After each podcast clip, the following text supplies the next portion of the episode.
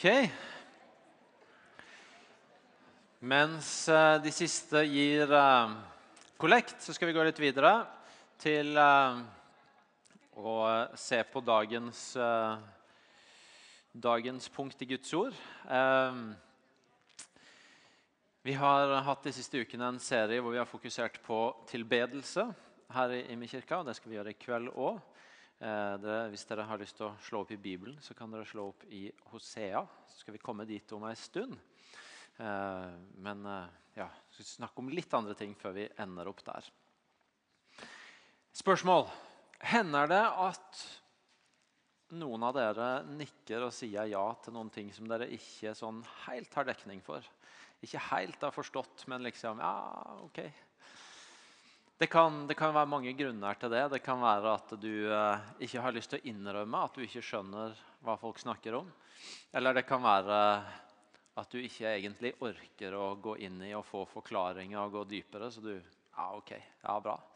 Eller det kan jo være at du som er en litt sånn fjern type som eh, av og til detter ut i et minutt eller tre. Og så skjønner du at eh, Kanskje ble det du ikke skjønte, sagt i løpet av de siste minuttene. Du har ikke lyst til å røpe det, så du ja, ja, ja. nikker. ikke sant? Det hender at det skjer. Jeg har en bekjennelse, en pastors bekjennelse. Og det er at eh, jeg har hatt det litt sånn med måten som ordet religiøs av og til blir brukt i eh, en del kristne sammenhenger, bl.a. i kirka vår. Når jeg kom hit for ni år siden så oppdaga jeg at en sånn ting som, som ganske ofte blei sagt, det var at uh, vi er ikke religiøse. Har dere hørt det? Hvis dere går her, jeg kan kjenne igjen det. Og uh, det er jo av og til ikke sant, Vi har noen sånne fraser i kirker. Sånn, sånn er det nok i de fleste sammenhenger. enten det er kirke eller ikke. Men hørte stadig vekk det. Nei, vi er ikke religiøse. Og, og, og, jeg var ikke så vant til at man sa det, og hadde ikke helt vært ute for det. og Prøvde liksom å knytte sammen trådene hadde på en måte hatt religion på skolen. og Der var jo kristendom en av religionene. Og jeg var jo kristen, så jeg tenkte nei, jeg er ikke religiøs. Jeg, jeg, ja. nei, jeg fikk det ikke helt til å gå opp. ikke sant? Og, og husker Anne Ingel, som ikke er i kveld, men barnefamiliepastoren vår liksom Hver gang hvis det skjedde noe humor, noe som var litt utafor boksen, så kom hun liksom bort til meg og lo litt. og så, 'Ja, vi er iallfall ikke religiøse i denne menigheten.'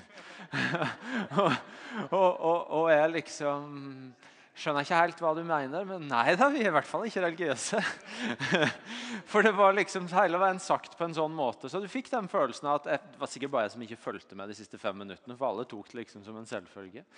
Så der gikk jeg en stund. Etter hvert, sakte, men sikkert, så begynte jeg liksom å, få, å ja, begynner å skjønne hva det er de egentlig mener. Men jeg tror aldri det har blitt kanskje gjort konkretisert så tydelig og så godt for meg som for et par uker siden på G11, når Steve leda og vi hadde historien om Babels tårn oppe her. og bygde et svært Babels tårn på scenen på G11. Og, eh, og Steve kom på etterpå, smilende og varm som bare Steve kan være, og dro opp denne kontrasten mellom hvordan vi mennesker lett prøver å klatre opp til Gud, sånn som de prøvde å bygge et tårn. Mens Guds bevegelse til oss er at han har klatra ned til oss. Han har kommet ned til oss. Og Det er den store forskjellen som gjorde det verdt å oppdage hva det ordet betydde.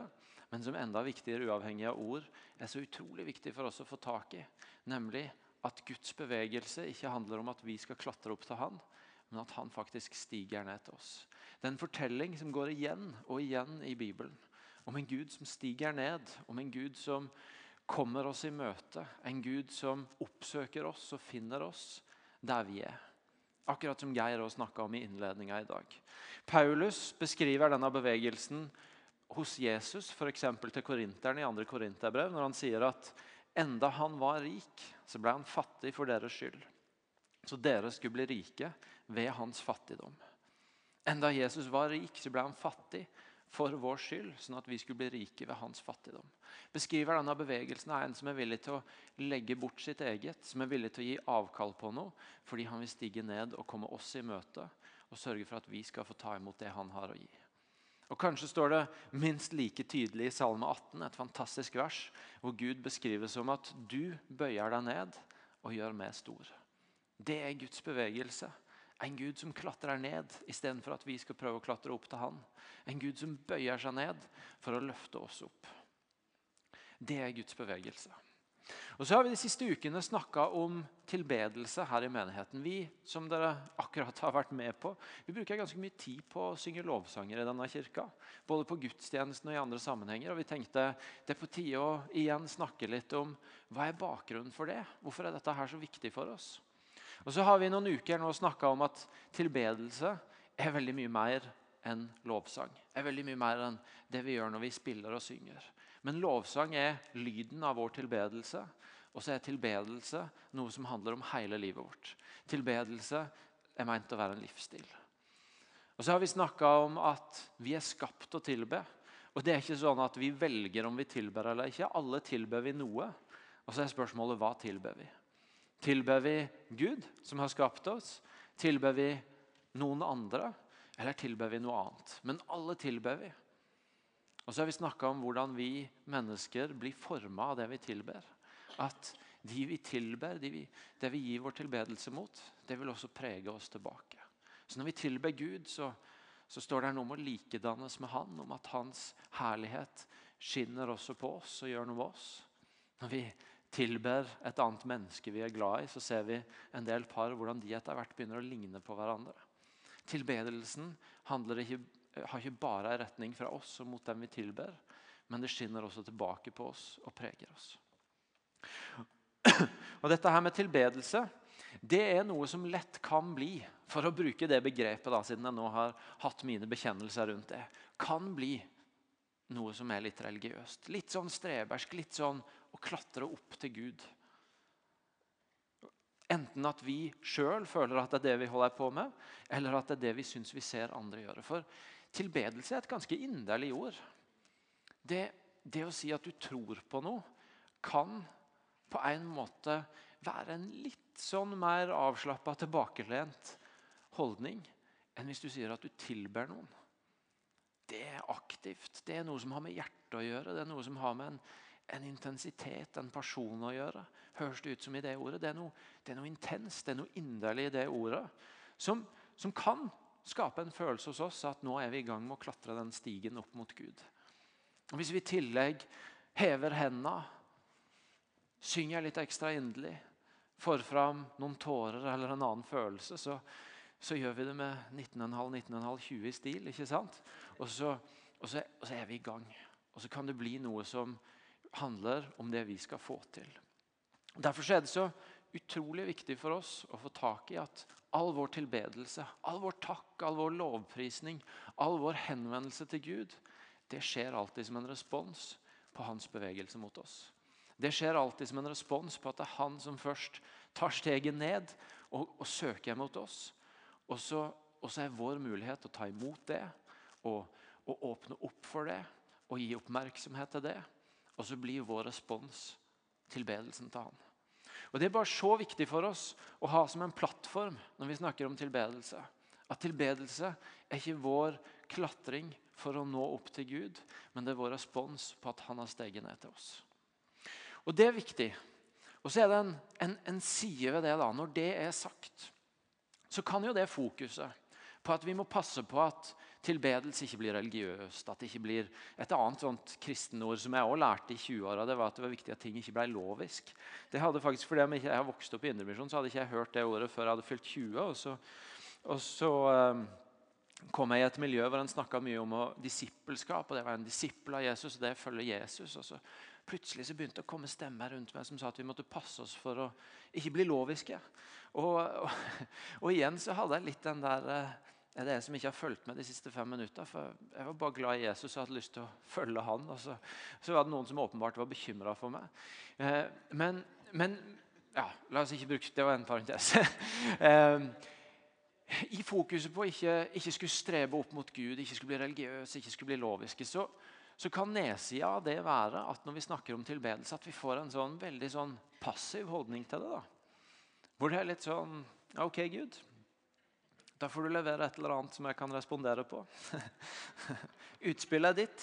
For jeg har lært i kirka at uh, tilbedelse det er bare en respons på det du gjør. Så, så kom i gang. at det er Gud som må finne på noe. Og så er jo greia det at uh, Gud er hele veien i bevegelse mot oss. Gud er alltid på søken etter oss. Gud gjør alltid noe. Guds kjærlighet er konstant. Det han har gjort, det har jo virkning den dag i dag. Og Det betyr at det er aldri en problemstilling om vi har noe å respondere til Gud på. Om vi har noe å takke ham for. Det er jo, det er jo alltid noe å åpne opp for som han gir, og som han ønsker å møte oss med, og som vi har mulighet til å, til å komme med vår respons tilbake på. Denne uka så hadde jeg et sånt Wow, Gud, du er stor-øyeblikk. Og det begynte for så vidt litt sånn traurig. Jeg, jeg hadde en sånn Altså jeg, jeg fikk rett og slett et behov for å ta mer tid enn vanlig til å bare stoppe opp og gå ned på kne og bekjenne synd for Gud. Bekjenne ting som jeg kjente jeg kom til kort på, ting som jeg ikke var så stolt av, ting som jeg kjente skam på overfor Han. På den ene sida ber jeg Fader vår, forlat, forlat, oss vår skyld, som vi forlater våre skyldnere hver dag. Til å be om tilgivelse en, en, en, del av mitt daglige liv. Men så er det noen ganger hvor du, hvor du, bare kjenner at i hvert fall jeg kjenner at jeg trenger å bare stoppe opp litt ekstra og sette ord på det. jeg hadde, hadde, fått den der sånn følelsen av at ah, det er et eller annet her liksom, som, som ikke stemmer. Og jeg føler meg ikke bra, og jeg føler at det er ting som henger ved meg. jeg har lært etter hvert at det som funker dårlig når det er sånn, det er å late som ingenting og tenke at det går sikkert over snart. Og jeg har også lært at det funker dårlig å eh, meditere på den følelsen og grunne på den og kjenne ekstra sterkt på den. Men jeg har lært at eh, det å gå til Gud med det og, og bekjenne og tro det som Guds ord sier, om at dersom vi bekjenner våre synder, så er Han trofast og rettferdig, så Han renser oss, tilgir oss synden og renser oss for all urett. Det er faktisk sannhet, og det funker. Og da kan jeg reise meg opp igjen i frihet. Og så Av erfaring så valgte jeg det. Og så, og så kom dette øyeblikket når jeg reiste meg opp igjen og hadde bekjent og lagt det av meg. Og Så bare slo det inn i meg for et øyeblikk at, at når jeg har bekjent for Gud det jeg ikke får til i livet mitt, så er det allikevel sånn at han fortsatt vet enda mye mer om hva jeg har å bekjenne, enn det jeg sjøl vet om. Han, det står i hans ord om at han vet alt om oss, om det som skjuler seg inni oss, om tankene våre. Et sted i salmene så, så er det en bønn om å, om å ransake hjertet vårt, fordi, fordi, vi klarer ikke helt å finne alt som, alt som bor der sjøl. Så så jeg bare visste at, at selv når jeg tar ekstra tid til å bare få rydda opp i dette, her, så har fortsatt Gud mye større oversikt over hva som rører seg med, enn det jeg har. Og så bare slo det meg samtidig at når jeg så vender jeg blikket mot han for å takke han, for at han tilgir, for alt han er, for alt han gir meg, så er det, så er det sånn da òg at, at det er fortsatt uendelig mye mer å takke ham for enn det jeg klarer å komme på, enn det jeg klarer å se, enn det, enn det som jeg klarer å sette ord på. Så enten jeg vender blikket mitt på det jeg ikke får til, og det som ikke er så kult, og det som jeg skulle ønske ikke var sånn, eller jeg vender blikket mitt på de gode greiene, på det som jeg er takknemlig for, for det som er bra, så er Gud bare så mye større. Han ser mer, hans blikk er større. Enten jeg ser til den sida eller til den sida. Han er større, han er Gud. Han ser mer enn meg. Og Det er et nydelig sted i Salme 106, hvor det står i starten av salmen Halleluja, takk Herren, for han er god. Evig varer hans miskunn. Hvem kan nevne alle Herrens storverk? Fortelle om det herlige han har gjort. Jeg leser det verset en gang til. Hvem kan nevne alle Herrens storverk og fortelle om det herlige han har gjort? Salmisten er bare sånn ja, hvem, hvem har sjans da til å sette ord på alt det vi har å takke Gud for? Ikke jeg, ikke dere. Ingen. Og så, og så går han videre til å beskrive Guds reise med Israels folk og hvordan Gud tok de ut av slaveriet i Egypt. Og Så sier han i vers 12 eh, om, om, om, den situasjonen om når Gud har ledet de ut av Egypt. Da stolte de på hans ord og sang lovsang for han. Da, da takka de Gud. Da tilba de, da lovsang de. Og Så står det i neste vers. Snart glemte de det han hadde gjort, og venta ikke mer på råd fra han. De, Gud tok de ut av Egypt. og og de tilba Gud, og de takka han. Og så står det snart glemte de det han hadde gjort, og de venta ikke mer på råd fra han. Det var ikke det at Gud hadde forandra seg, at han hadde slutta å sørge for dem. Men etter hvert så glemte de det. Og så slutta de å tilbe, de slutta å takke, de slutta å sette ord på hvem han var. no comment.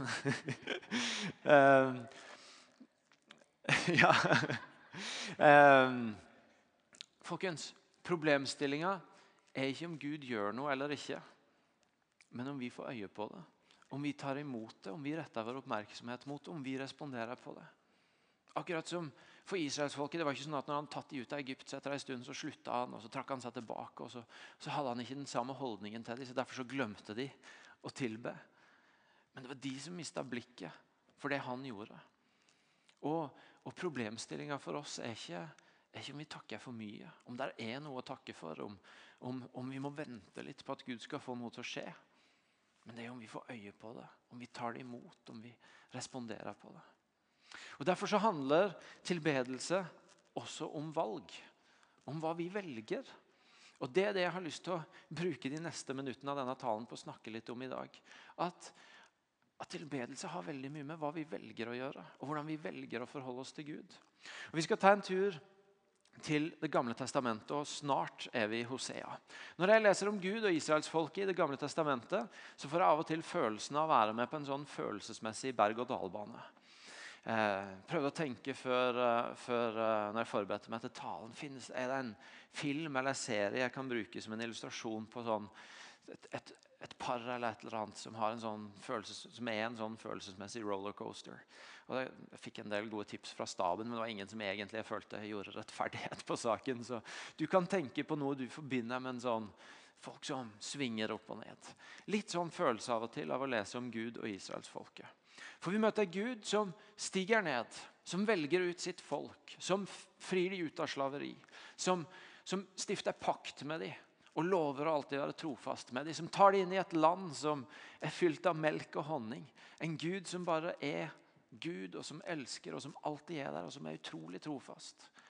Og Så møter vi israelsfolket, som veksler mellom å ta imot, mellom å gi respons på det han gjør, og den han er, og det å vende han ryggen. Det å det å ikke bry seg, det å tilbe andre guder. Det å gå sine egne veier.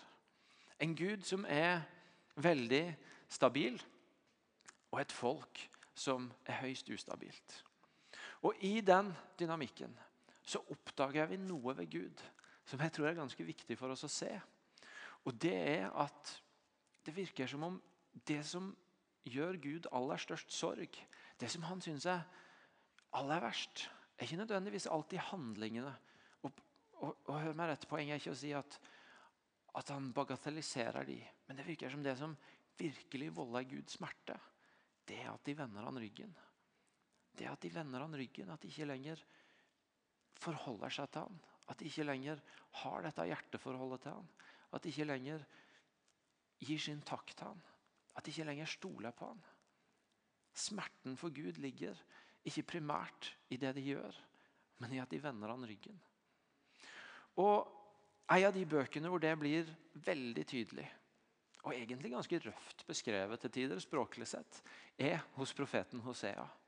Som ja, Der er det jo, der er jo språket et bilde av og til som jeg, litt sånn, jeg leste, leser det, tenker jeg ja, har jeg lov til å si dette i kirka, liksom? men det står jo i Bibelen, så, så da er det vel lov. Men, men, Hosea går jo rett på. da. Og så sier han Herrens første ord gjennom Hosea, kapittel 1, vers 2. Herren sa til Hosea, gå og få deg en horekvinne og et horebarn, for landet horer seg bort fra Herren. Det er jo ganske røft, da. Det er ganske røft språk. Liksom, ah, kan jeg si det? Men men ikke sant? Eller la oss lese noen vers til, så skal, skal, skal jeg si noe. Eh, kapittel 2, vers 5. For deres mor drev hor. Hun som fødte de, førte skam over seg sjøl. Hun sa, 'Jeg vil gå etter elskerne mine, de som gir meg brød og vann og ull og lin og olje og vin.' Og Derfor vil jeg stenge veien for henne med torner. Jeg murer en mur rundt henne, så hun ikke finner stiene sine. Når hun løper etter elskerne sine, skal hun ikke nå de igjen. Når hun leter etter dem, skal hun ikke finne dem. Da skal hun si, 'Jeg vil gå tilbake til min første mann, for jeg hadde det bedre da enn nå.' Hun skjønte ikke at det var jeg som ga henne korn, ny vin og fin olje og mengder av sølv og gull som de brukte til, til bal. Gud bruker rett og slett bildet av utroskap for å beskrive hvordan han opplever det faktum at folket vender han ryggen. Ikke ulydighet, eller at de ikke helt gjorde jobben sin, eller at det ikke var helt sånn som det passa han. Men han tar dette her utrolig sterke bildet av utroskap, av hor, for å, for å illustrere, for å få fram hvordan han opplever at hans folk har vendt han ryggen. Og den smerten han kjenner i det. Og Så beskriver han i de versene som vi nettopp leste fra kapittel 2, den der smerten av å stå og se at folket går andre steder for å, for å finne det de trenger. For så bare å oppdage at det er jo han som hele veien har gitt dem det. Det er han som hele veien har sørga for dem. Og så, og så kommer det noe fascinerende i vers 14.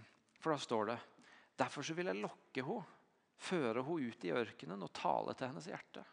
Det var det Elise snakka om i stad under lovsangen. Om, om, om, ørkenen som et sted for, hvor Gud ønsker å møte oss på nytt. Det er som om Gud sier at han vil ta med folket sitt på date. Han vil, han vil sjarmere det igjen, han vil forføre det igjen. Han vil vinne deres hjerte igjen. Sånn at de kan gi seg til han. Og Så sier han i vers 19.: Jeg vil binde meg til deg for alltid. Jeg vil binde meg til deg i rettferd og rett i kjærlighet og barmhjertighet. Jeg vil binde meg til deg i troskap, og du skal kjenne Herren. Gud som bare forplikter sin kjærlighet mot folket, som, som vil lokke de ut for å vinne deres hjerte igjen. Som vil vinne tilbake relasjonen med dem. Og så sier også i, eh, i kapittel 3 Gå enda en gang bort og elsk en kvinne som er en annens elskerinne og bryter ekteskapet, slik Herren elsker israelittene, enda de venner seg til andre guder. Igjen bar dette bildet av at Gud elsker. Gud forandrer seg ikke. Han slutter ikke å elske sjøl når de er utro. Og så ønsker han å kalle de tilbake. Ønsker å hente de tilbake. Ønsker å binde seg på ny til de. Og så sier han i kapittel 6, vers 6 for jeg vil ha kjærlighet, ikke slaktoffer. Gudskjennskap framfor brennoffer. Dette er viktig om tilbedelse. Gud som sier jeg vil ikke primært ha alle offerhandlingene, alle de religiøse aktivitetene. I, i The Message-oversettelsen så sier det jeg vil heller ha kjærligheten deres enn bønnemøtene deres. Og Jeg tror ikke Gud er imot bønnemøter. Men Sant, Anne? Vi er enige om det? Anne ble litt nervøs her nå. um, men det dette her hjertet fra Gud Jeg vil ha kjærligheten deres. Jeg vil ha hjertet deres. Det er et ganske utrolig bilde av den allmektige Gud, av skaperen av alle ting, som stiller seg sårbar overfor oss mennesker og sier jeg vil ha hjertet deres. Jeg vil ha kjærligheten deres. Det er en katolsk teolog som heter Basil Pennington, som har sagt noe jeg bare synes er, er, veldig bra. Han sier at vet du noe, det er ingenting som vi gjør, som ikke Gud kunne reise opp en stein eh, på marka til å gjøre for han. Det er bare én ting som det er bare vi som kan gi til Gud, og det er vår kjærlighet. Gud setter pris på ting vi gjør. Gud kan bruke oss til ting han ønsker å gjøre. Men det, det er i bunn og grunn ingenting vi gjør som ikke Gud kunne ordna på en annen måte. Men det er en unik ting vi kan gi til Gud, og det er kjærligheten vår. Og Den ser vi i Hosea, hvordan han jager etter, hvordan han vil ha tak i.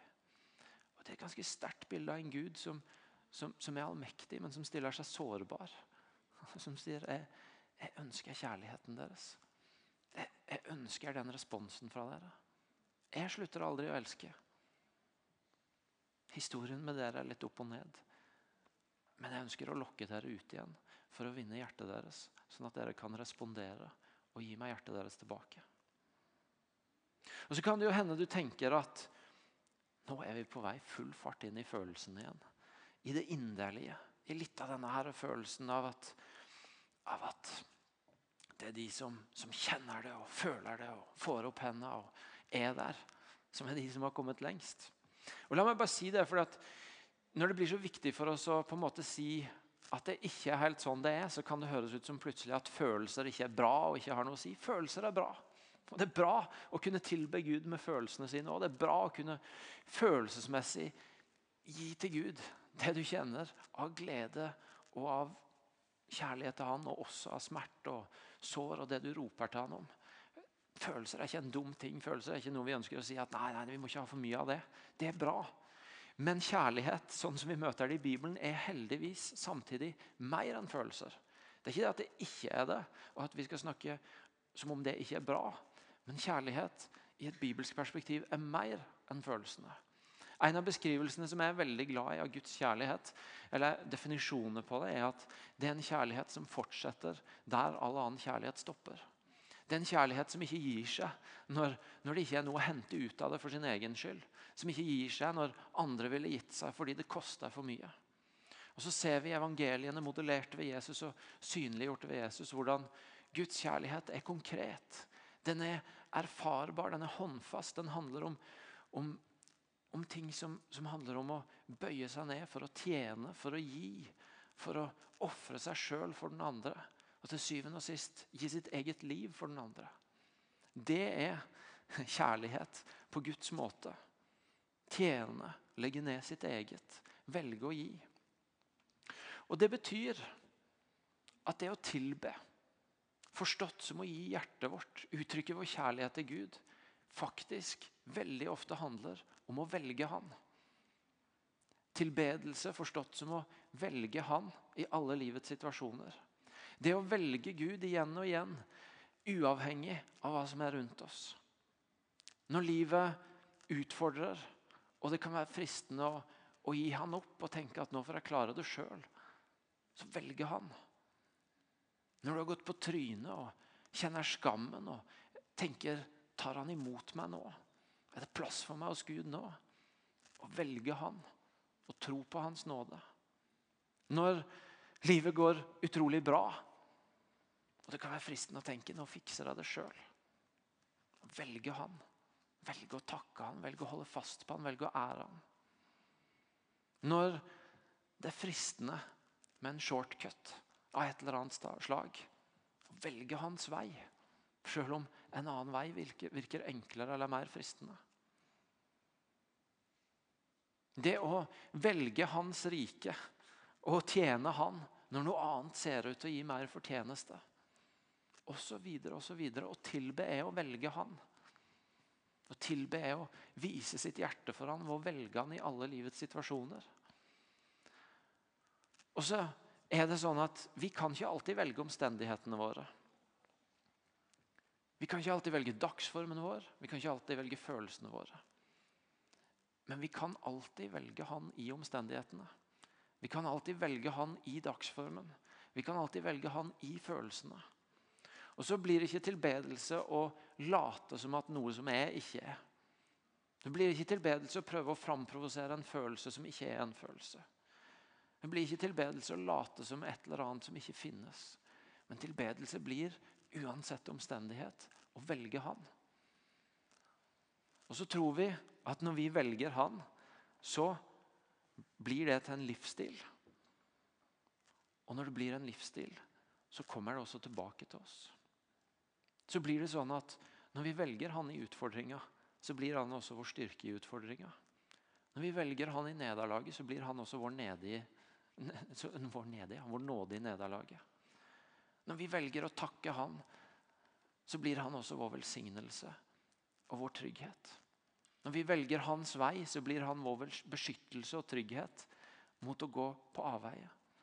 Når vi velger Hans rike, så, så blir Hans rike vår skatt, som er en evig rikdom istedenfor en midlertidig rikdom. Vi får velge Han, og så blir det til en livsstil hvor vi også får ta imot fra Han. Før jeg avrunder dette her, så hadde jeg lyst til at dere skulle møte en fyr jeg er glad i, som nå har lagt ned telefonen sin. og eh, er klar for å komme opp. Hei! Thomas Wilhelmsen må dere gi en skikkelig god klapp.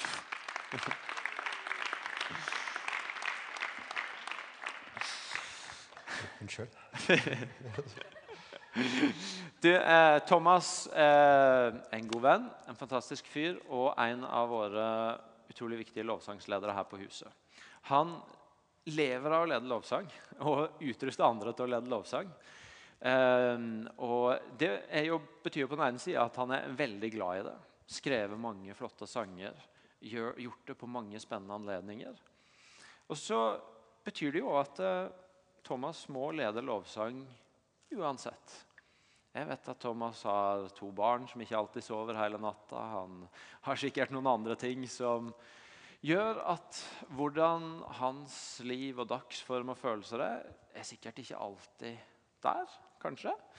Eh, og allikevel så må du lede oss i tilbedelse når det er din tur. Jeg, hadde lyst til å spørre deg hvordan, ser det ut for du med å, med å velge å tilbe? Litt uavhengig av hvordan du kjenner deg, hvordan dagsformen er. Eh, det, jo, det, har jo vært en vei å gå. Eh, jeg tror eh, en stund så, så går en kanskje litt på en sånn illusjon av at en kan skru av seg sjøl. Altså emosjonelt. At det, det, det må ta, altså ta et valg handler om å egentlig skru av dagsformen. da. Og så oppdager jeg kanskje Jeg har iallfall oppdaget for meg at det er, det er en illusjon. Jeg kan egentlig ikke skru av dagsformen min eller der jeg er følelsesmessig. Så det, det, må jeg på en måte bringe med meg. Det er en del av meg. Eh, men jeg, jeg besitter jo fremdeles makten til å ta valg. Jeg besitter fremdeles makten til å være mer enn det jeg føler eller det jeg opplever her og nå. Og, og det er jo i det, eh, det er jo det stedet jeg må være, tenker jeg. Og så er jo så tenker jeg lovsang er altså Gitt at lovsang er altså lovsang er jo musikk. Og jeg tror Uh, musikk er en følgesvenn for mange av oss, og en følelsesmessig følgesvenn. Og jeg tror eh, mange av oss er vant med at uh, musikk skaper følelser i oss, og musikk um, er en del av livet vårt når vi føler ting. Og, og i den forstand så tenker jeg det er uh, det er naturlig at vi kommer og forventer at vi skal føle mye når vi har lovsang. Eh, og når det da ikke fungerer, når jeg ikke f.eks. i dag eh, ikke føler så mye når det gjelder lovsang, så er det lett for meg å, å tenke at enten det er noe galt med meg, eller så er det noe galt med, med lovsangsteamet, eller noe sånt. Eh, fordi jeg, jeg, jeg, betinger at musikk har noe med følelser å gjøre. Men, men så er det da dette med lovsang at Gitt at lovsang er tilbedelse, så er det egentlig bare én tilskuer her, og det er han. Eh, og da blir det eh, Dette her med hva jeg føler, det, det, blir på en måte Det er ingen som bryr seg om det. Eh, det er litt som om jeg skal dukke opp i Anne, altså min kone sitt bursdagsselskap og gi henne en gave, og så skal jeg etterpå evaluere ja, hva fikk jeg ut av dette her. Ikke sant? Eller, eller, eller må, må, jeg liksom slå av følelsene mine for at Anne skal ha en fin bursdag og, og føle at hun ble berørt? Altså, eh, jeg tenker, Hva om vi går herifra på gudstjenesten i dag og, og istedenfor snakke om ja, hva fikk jeg ut av lovsangen i dag, eh, så kan vi spørre oss sjøl hva fikk Jesus mm. ut av lovsangen i dag. Mm. All right.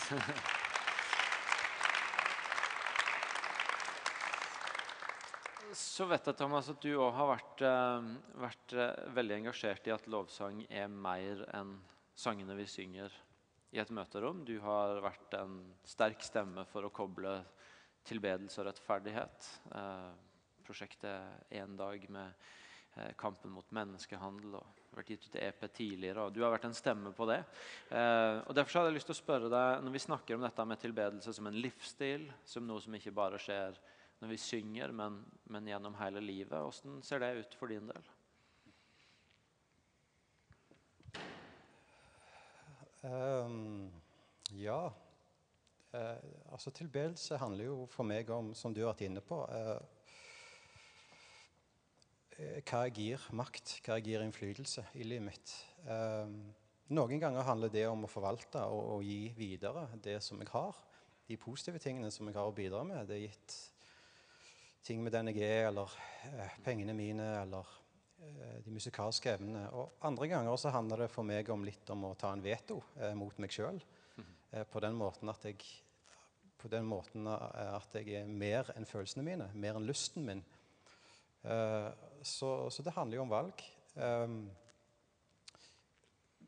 jeg tror bare en sånn en ting som Fryktelig banalt, men bare en sånn ting som å bli gift og få barn. altså Det er en, en stor del av meg som bare kunne tenke meg å bo i slumkollektivet til Svein Helgøy resten av livet og spise chips og spille PlayStation. Altså, det er jo det lysten min jeg på mange måter har lyst til.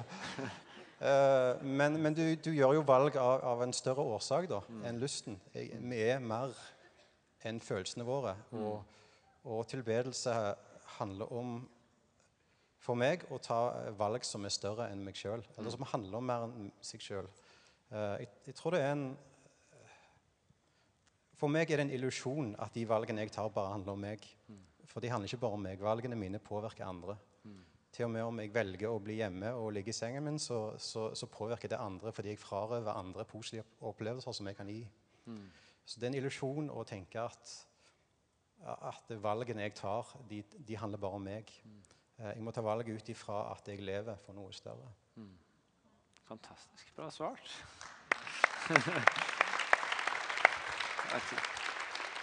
Er jeg tilgitt nå? Ja, ja, ja. Du skal til og med få lov til å svare på et bonusspørsmål. Ehm, eh, dette er ikke helt på tema, men jeg hadde lyst til å spørre Thomas om det når eh, vi har han oppe. Fordi ehm, det er jo en tøff jobb da, å stille seg opp her hver søndag og lede oss, enten vi er på eller av, eller hvor vi er. Eh, så jeg hadde bare lyst til å spørre deg, Hvis du fikk sjansen til å si til oss hvordan kan vi hjelpe du og dere som lovsangsledere til å dra? Hva trenger du av oss?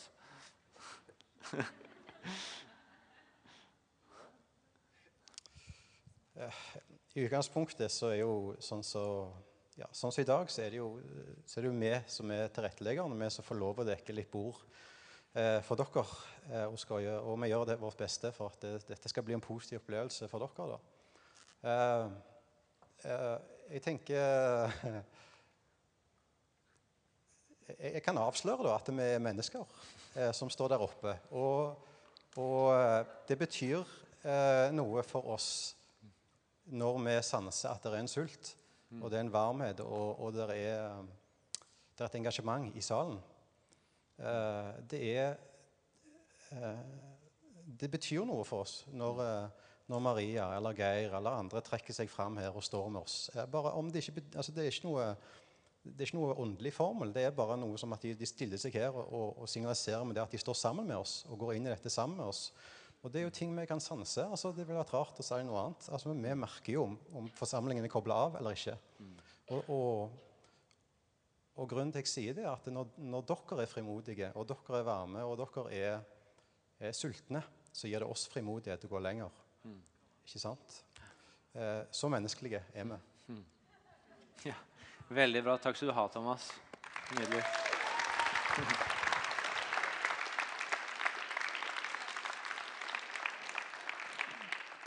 Så glad for å ha Thomas og resten av gjengen hans i dag og de andre teamene som en del av menigheten og som en del av laget her. De gjør en enorm jobb i menigheten vår. Um, vi skal runde av dette. Jeg har sagt at tilbedelse har med valg å gjøre. Og det er vår mulighet å velge Gud i livets mange situasjoner. Vi skal be litt inn i det, så la oss reise oss opp, og så ber vi sammen.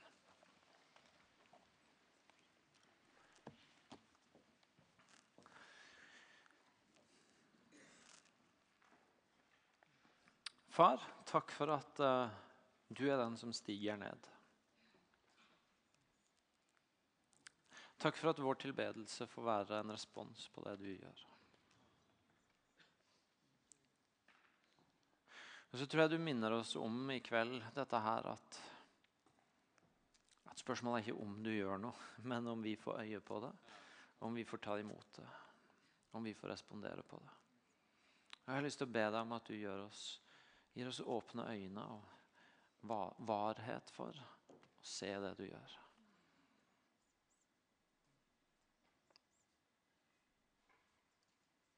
Jeg har lyst til å be deg for de her inne som akkurat nå hører det som en sannhet, men som syns det er vanskelig å se det som en realitet. At, at de skal få bruke resten av denne stunda til, til at du peker for dem på noe av det du gjør i livet.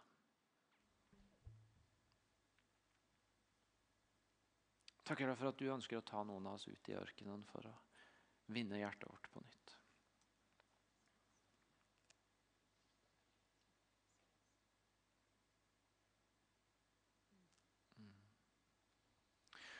Så ber jeg deg om at du skal hjelpe oss til å, til å velge deg. og til å holde fast på deg i livets mange situasjoner. Takk for at vi kan få gi vår kjærlighet til du gjennom å velge deg. Vi ber deg om tilgivelse for de gangene vi, vi vendte ryggen til. Og, og, vi har sett noe i kveld i ditt ord at det, det, det volder deg smerte. Og Det ber vi om tilgivelse for. Og så ber vi om at du gir oss nåde til å, til å velge deg på nytt.